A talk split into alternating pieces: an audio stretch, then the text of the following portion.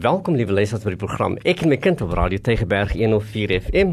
Dis die einde van die jaar. Ons is in die uh, tydperk van feesvieringe en hoop en alles wat mooi is. En hier op Ek en my kind het ons 'n uh, jaar gehad waar ons met u kon gesels oor oor die grootmaak van u kind, uh, onderwys sake. En ons het nog gekom aan die einde van die jaar waar ons kan terugkyk en sê alles was goed en ons is nou gereed om hierdie vakansietyd te betree. So ek natuurlik Neville Goliath en welkom van my en saam met my natuurlik Sura. Hallo Neville en goeie dag vir al ons luisteraars wat so vir ons die voorreg gegee het om hierdie hele jaar lank saam met julle te kuier, om te gesels, om met julle te deel inligting wat ons het. Ons hoop ook dat dit vir julle waardevol was en dat ons wanneer die nuwe jaar aankom, ons nog weer die tyd met mekaar sal saamstap.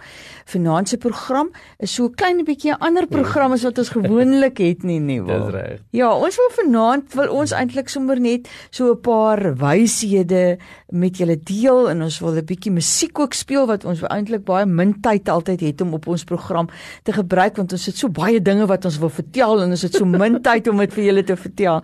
Vandag se program is 'n program wat ons ook vir u wil instuur in die vakansie en die feestyd in met 'n boodskap wat vir volgende jaar ook geld.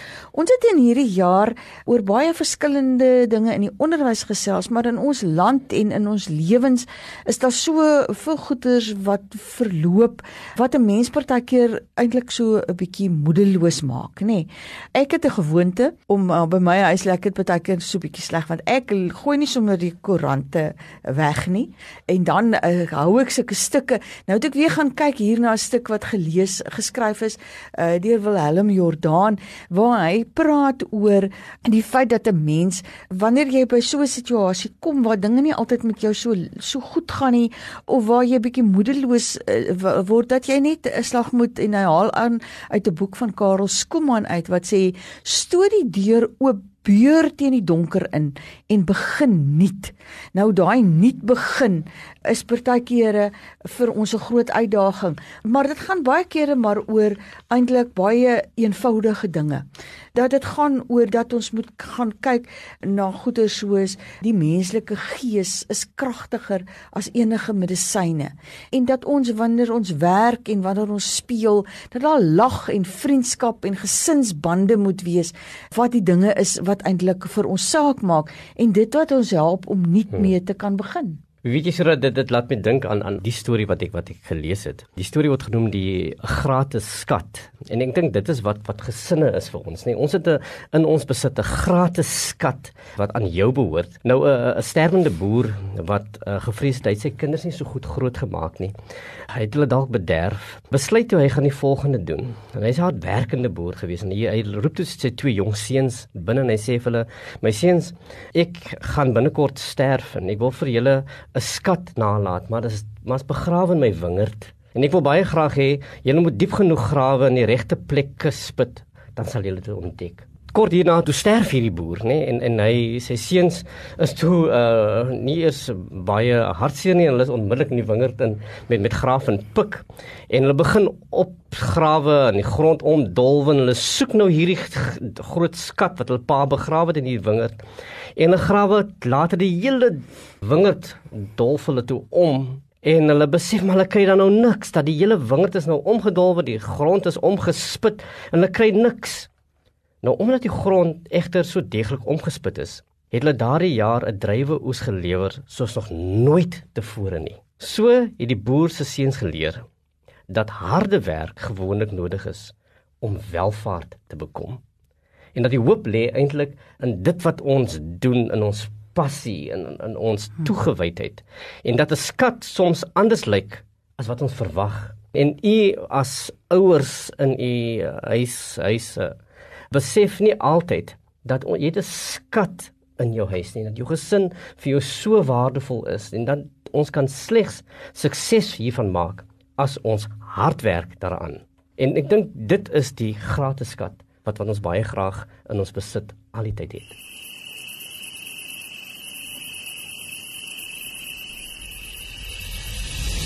Hoop.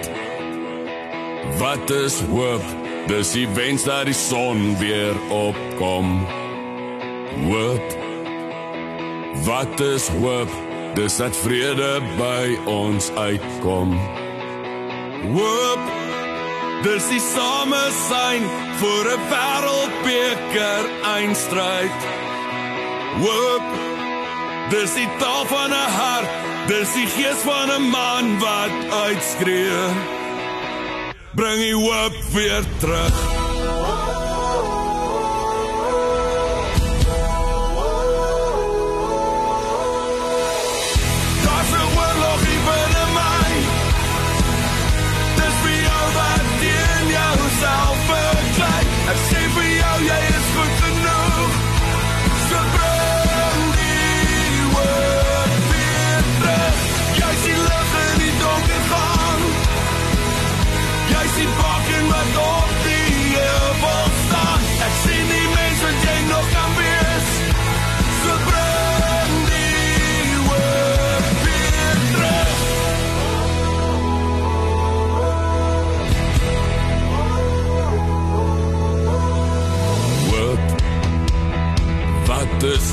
Dis as ons harte na mense terugdraai. Hoop. Wat is hoop? As jy struikel sal jy weer opstaan. Hoop. Wees die hoop. Steek jou hande uit na mekaar. Hoop. Dis 'n stem wat sê as jy moeg is sal ek jou dra bring die hoop weer terug. Daar vir oorlog hier binne my. Dis vir jou wat teen jou self beklei. Ek sê vir jou jy is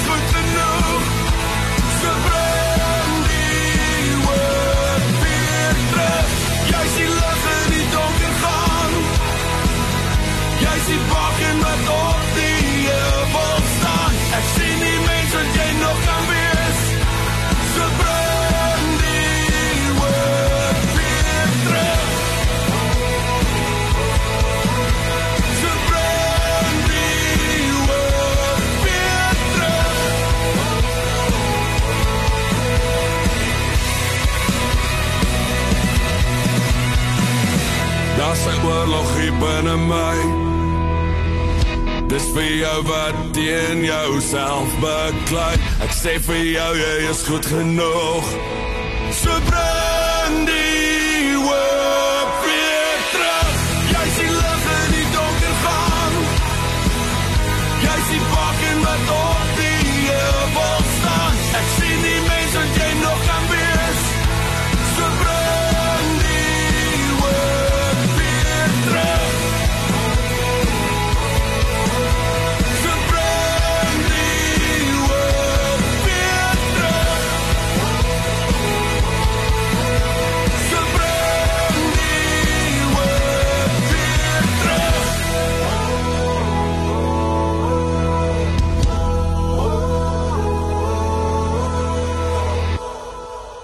So waar, nê, nee, dat ons baie kere net vaskyk teen die dinge wat ons nie het nie. Terwyl dit eintlik behoort te gaan. Ons hoop behoort daarin te lê dat ons moet gaan kyk na wat is dit waarvoor ons dankbaar kan wees, want dit dis wat jou geluk laat vonkel. Is daai dankbaarheid wat jy kan inbou. Ek het hier 'n boek van Pieter van Jaarsveld, Dink jouself gelukkig, verander jou denke en verander jou lewe en ek kan regtig vir luisteraars ook aanbeveel en sê skryf vir julle hierdie boek want dit is 'n wonderlike boek ook net om ons weer perspektief te gee. Nou hy sê daar's ag maniere. Hy sê dink dankbaarheid. Dit is eintlik dat 'n mens elke dag moet gaan en gaan kyk na een ding in jou lewe wat jy het om voor dankbaar te wees en daarop te konsentreer. Besef dat wanneer jy na jou lewe kyk, dat dit eintlik met jou baie slegter kon gegaan het. En stel vir jou 'n lysie op van daai wonderlike goed wat elke dag met jou uh, gebeur.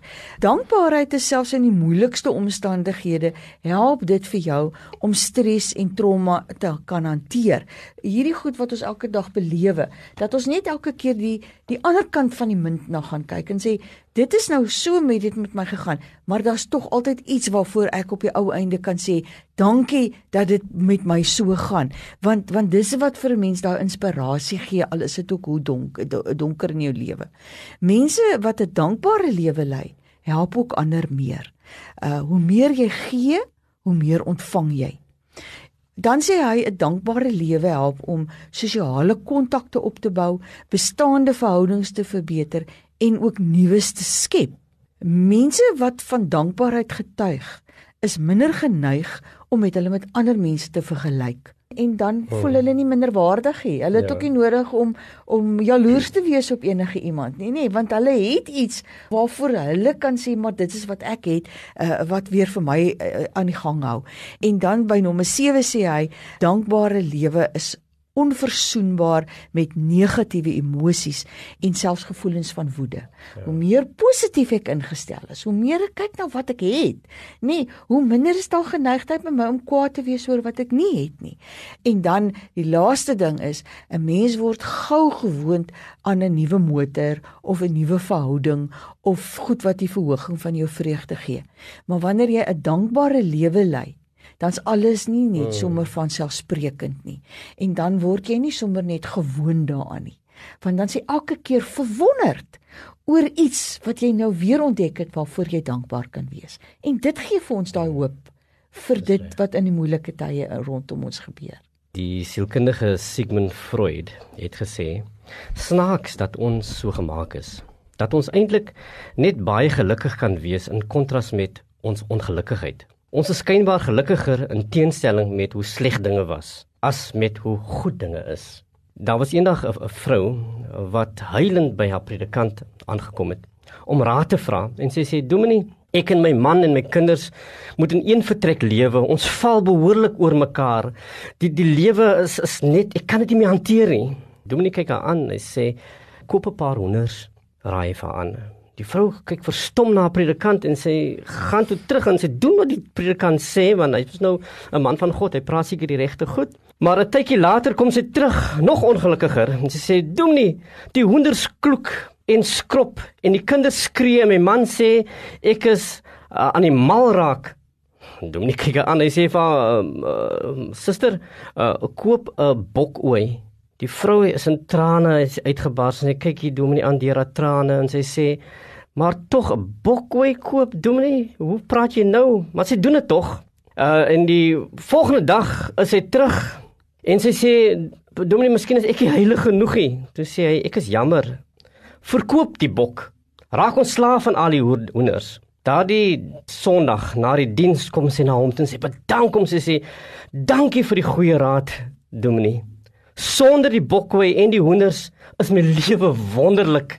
Ons geniet die stilte en die baie ruimte. Ons het nog nooit so goed gegaan met in ons huis nie. Baie dankie man van God. En baie keer het ons goeie dinge in ons lewe. Ons is nie altyd tevrede daarmee nie. En ons vergeet soms om ons seëninge te tel, nê? Die Here seën vir ons met met baie goeie dinge, met 'n gesin wat vir jou goed is. En baie keer moet ons net tyd neem en net besef dit wat ons het is 'n seën.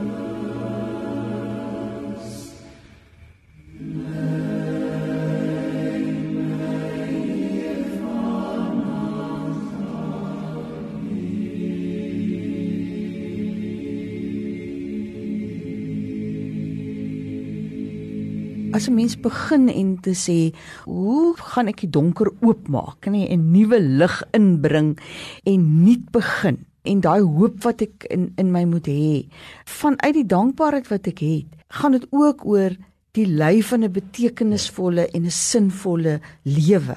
Hoe gee ek betekenis en sinvolheid aan my lewe? Want dis net wanneer ek dit kan insien dat ek ook dankbaarheid het en dat ek dan eintlik met hoop verder in kan gaan. Viktor Frankl was iemand wat in Tweede Wêreldoorlog in die konsentrasiekamp oorleef het en hy het na die tyd het hy geskrywe hieroor en hy het gesê jy moenie vra wat is die sin van die lewe nie, maar eintlik watter sin gee ek aan die lewe? En hy het 'n hele boek daaroor geskrywe Man's Search for Meaning en 'n mens kan dit ook gerus daar gaan lees. En hy het uitgesê dat daar moet sin en betekenis in 'n mens se lewe wees en en jy kan dit hê as jy 'n doel, 'n droom of 'n ideaal het om na te strewe. Iets betekenisvol het om in te glo, 'n lewensroeping het om te vervul. Iets wat jy wil verwesenlik. Daai lang storie van Alice in Wonderland van Lewis Carroll wat sê wat vertel hoe hoe dat hoe dat alles daar uh, kom op 'n op 'n sekere plek en en sy sê uh, vir een van die karakters, uh, "Would you tell me please which way I ought to go from here?" En dan sê hierdie karakter wat 'n kat is, hy sê, "That depends a great deal on where you want to go to." If I don't know and if I care where I am, then it doesn't matter we, which way you want to go as long as you get somewhere. En ek dink dit dit gaan oor hierdie ding van vir 'n gelukkige lewe is dit nodig dat 'n mens 'n doel in jou lewe moet hê. Uh, dit maak nie saak van jou ouderdom nie. Dit is nooit te laat om vir jou om daai doel te kan bepaal nie. Uh, maar jy moet vir jou vra, wat is my passie? Wat is my doel? En dit gee vir jou die hoop as jy daai antwoord sou kon kry. Baie mense sukkel in in in Suid-Afrika veral om om om die hoop te kan sien en te kan beleef. Daar's 'n storie wat gaan oor 'n man uh sy naam is Ephraim. Uh nou die korrupsie en die haat wat hy elke dag in sy omgewing gesien het, het vir arme Ephraim te veel geword. Hy kon net nie meer die onreg waaraan sy mense onderwerp is verdra nie iewers moet daar tog 'n plek wees het hy gesê wat bestaan tussen hier en en daar tussen die hemel en die aarde. En hy wys hy wil baie graag hê 'n stad wat wat uh, hy 'n stad van God kan noem. En hy kondig eendag aan hy gaan nou nie langer meer in die dorpie woon nie. Hy gaan maar nou weg. Hy het sy vrou en sy kind gegroet. Hy het sy bondeltjie gevat en te voet het hy vertrek op soek na die verre volmaakte stad Daardie dag het hy flink gestap. Toe dit begin donker word, bevind hy hom in 'n digte bos en hy besluit hy gaan miskien maar hier in die onder hierdie welige boom gaan hy maar slaap en rus en môre die die die pad verder neem. Uit vrees dat hy die volgende oggend in die digte woud nie sy koers sou kry nie, besluit hy toe hy trek liewer sy skoene uit en hy sit dit in die paadjie met die voete wat wys in die rigting wat hy moet voortloop, wat hy moet stap môre. En hy gaan slaap toe Maar ergens in die nag kom daar 'n uh, moedswillige man verby en hy sien die man slaap en hy sien die skoene wys in 'n rigting en hy draai die skoene uh, terug in die verkeerde rigting. Die volgende dag skrik Ephraim wakker en hy's gereed vir hierdie nuwe dag se stap en hy sit sy voete in die skoene in die rigting waar dit toe wys en hy begin stap. Hy stap heeldag en raak aand en hy kom op 'n bult en hy kyk af en hy sien liggies en hy besef dit moet die stad van God wees. Weg van korrupsie en die haat wat hy nie meer kan hanteer nie. En hy begin al hoe vinniger loop en hy kom in die eerste straat en hy besef maar hierdie straat lyk baie soos my straat waar ek in voorheen was. Hy sê oké okay, dan dit is seker maar dit. En die huisies lyk baie dieselfde en hy raak bly want is daar 'n bekende omgewing dit lyk nie anders as as sy wêreld waar hy vandaan kom nie. En hy sien hier's 'n huisie wat lyk soos sy huisie en hy vat in die handvatsel wat ook gebreek is en dit lyk so sy deur en hy maak dit oop en daar kom 'n blonde kop kindjie na om aangehardloop met haar arms uitgestrek en voor die stoof staan 'n vrou en sy vrou en sy draai om en sy sê vir hom kom in dis net mooi tyd vir aandete. Ifraim het sy bestemming bereik En baie keer is dinge in die lewe nie die beste nie. Ons het baie om oor te kla. Ons is baie om oor ongelukkig te voel. Maar om huis toe te gaan is altyd waar jou geluk lê. So liewe luisteraars, maak seker jy gaan huis toe. Dankie. Totsiens. Ons hoop ook dat julle gaan 'n wonderlike Kerstyd hê, dat julle by die huis gaan wees saam met julle geliefdes, dat uh, julle baie seën sal kry uit Kersfees uit en dat julle hierdie bietjie hoop wat ons vanaand vir julle boodskappe oorgebring het, werklik sal ervaar en dit in 2020 met julle sal saamneem. daarmee sê ek totsiens. Geseënde Kersfees.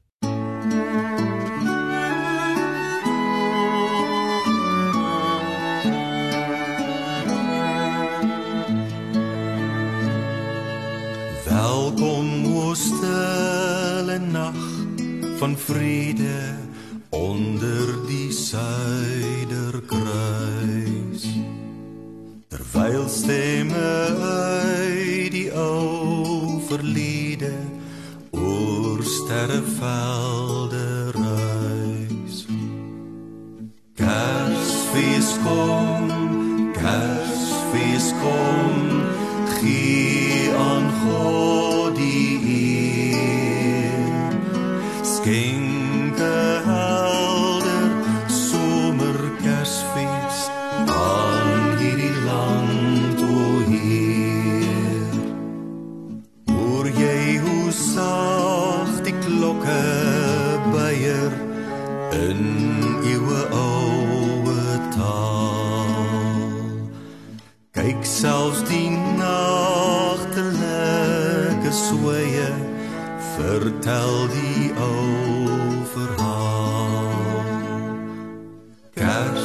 Kersfees kom, Kersfees kom, gee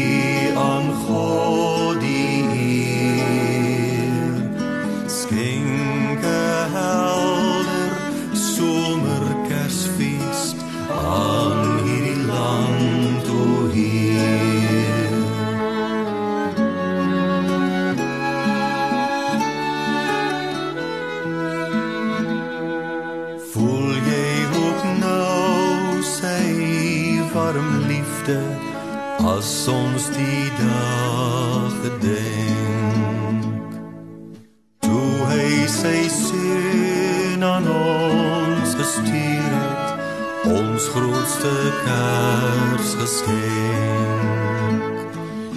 Kersfees kom Kersfees kom gee